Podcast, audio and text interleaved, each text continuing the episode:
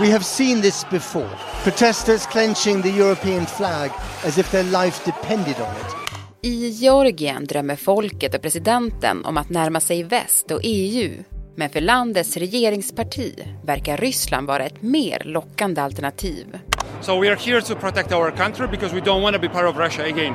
Något som lett till stora folkliga demonstrationer och försök att storma parlamentet. I flera dagar har protesterna pågått mot en ny lag. Enligt kritiker kan lagen liknas med den som Ryssland införde och som sedan använts för att slå ner på oliktänkande. På en kvart får du veta var Georgien står i vägvalet mellan EU och Ryssland och vilken sida som är mest trolig att segra. Det är onsdag den 15 mars. Det här är Dagens Story från Svenska Dagbladet med mig, Alexandra Karlsson.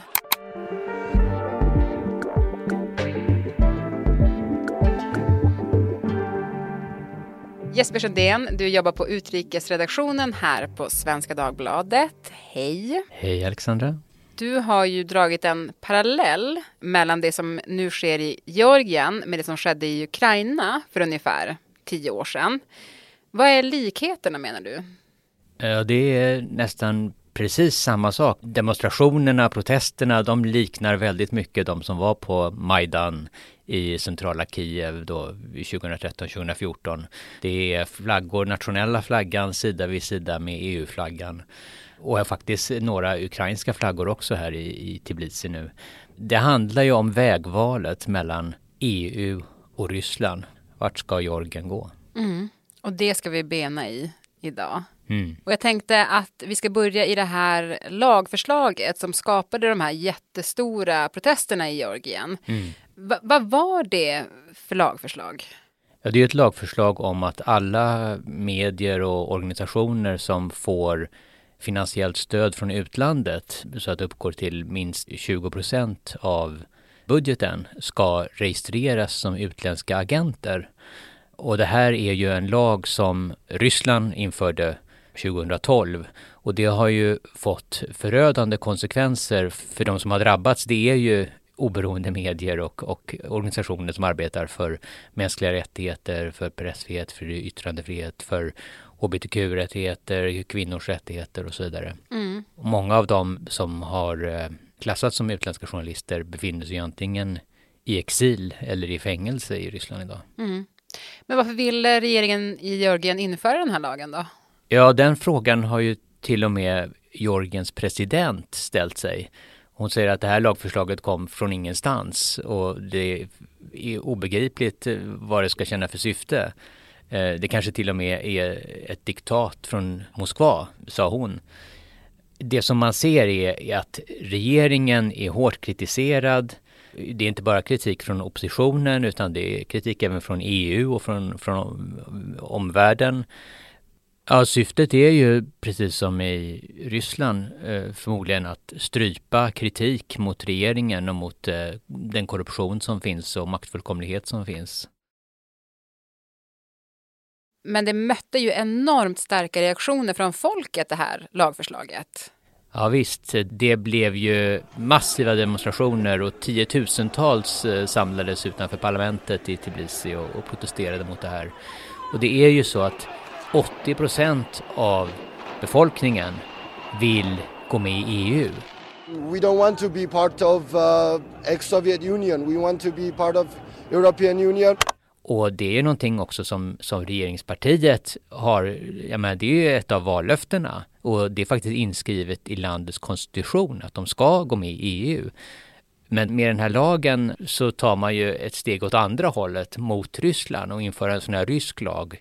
Och det är inte bara folket som är arga över det här utan det är ju även EU och, och omvärlden som säger att ja, men, det här är helt fel väg. De har ju ansökt om att bli medlemmar i EU och eh, förra året så blev Ukraina och Moldavien, de fick status som kandidatländer för de har genomfört reformer och bekämpar korruption, tillåter pressfrihet och pluralism. Men Georgien har gått åt motsatt håll så att de fick inte status som kandidatland. Mm. Så att det här är ju liksom ytterligare ett tecken på att georgiska regeringen försöker ta landet någon helt annanstans. Mm. Men då måste vi stanna vid just regeringen då för att förstå då vad det är för parti som styr Georgien som då verkar göra helt annorlunda från vad både folket och presidenten och alla vill. Vad mm. är det för parti som styr Georgien? Ja, regeringspartiet heter Georgiska drömmen och det är ett parti som bildades av eh, Georgiens rikaste man, Bidzina Ivanishvili.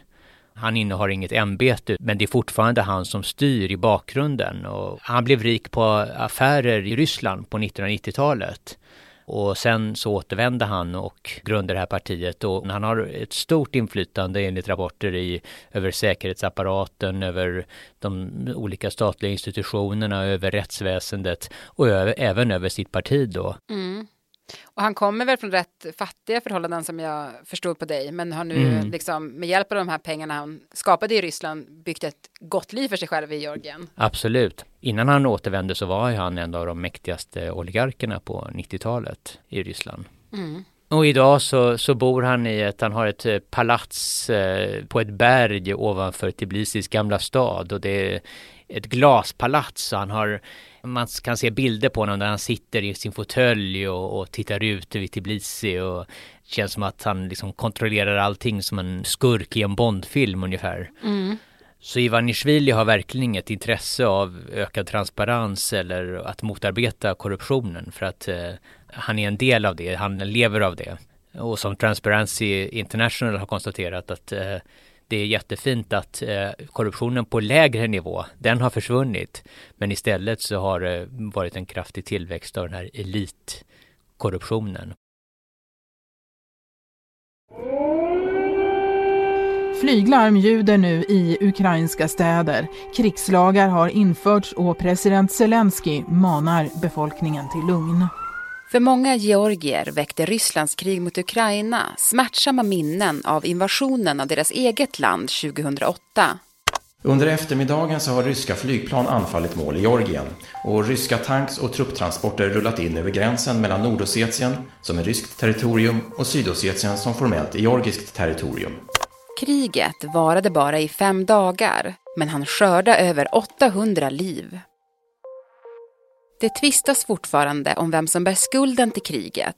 Georgien startade kriget i augusti 2008 men Ryssland provocerade aktivt fram händelserna och utnyttjade situationen när striderna väl var igång. Men tydligt är vem som förlorade.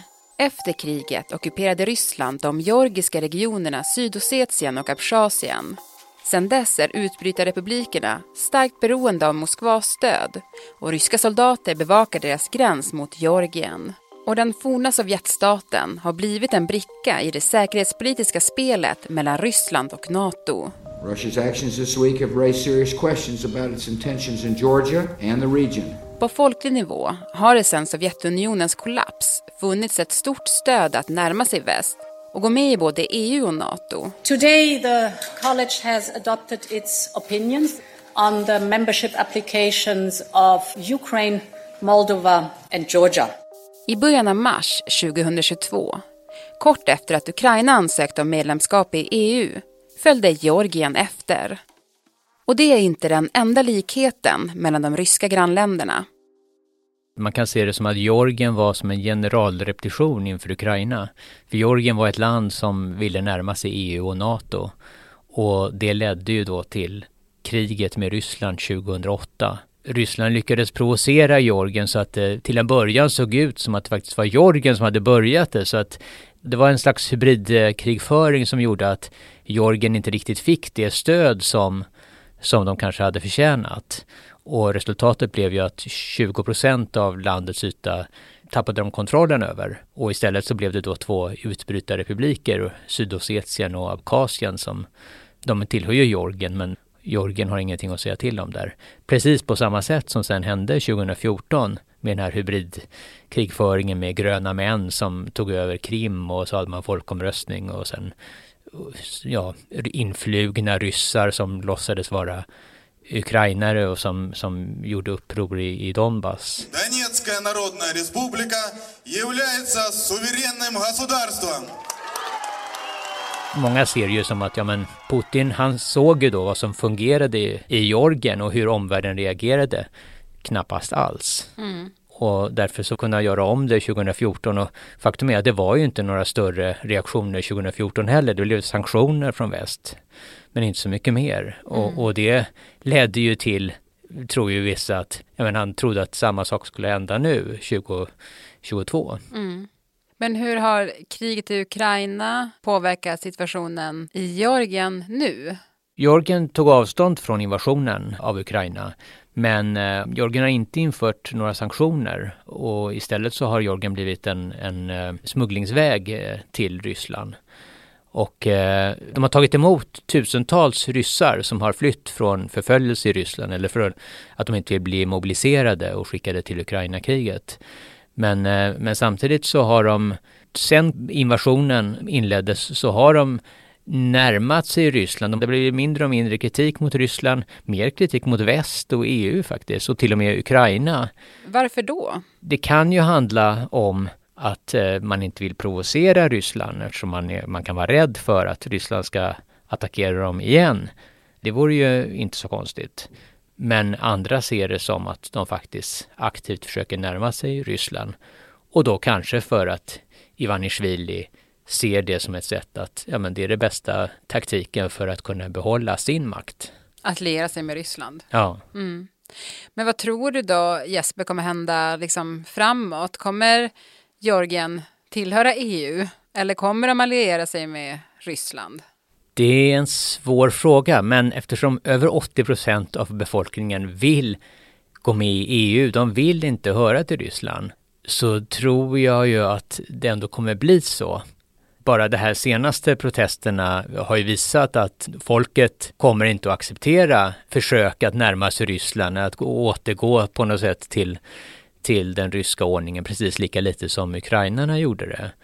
Men jag tror absolut att den här striden kommer fortsätta. För uppenbarligen så har regeringspartiet andra idéer och, och förmodligen även då Ivanishvili som är den som styr egentligen i praktiken.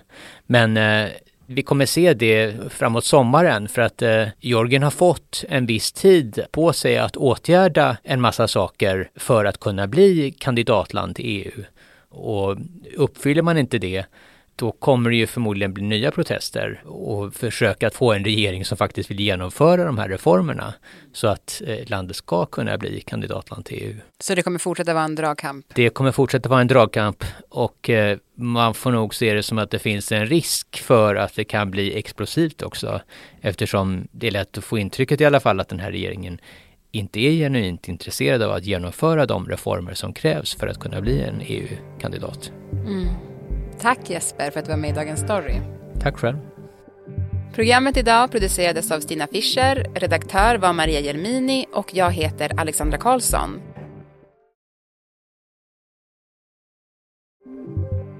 Vill du kontakta oss så mejla till dagensstory.svd.se.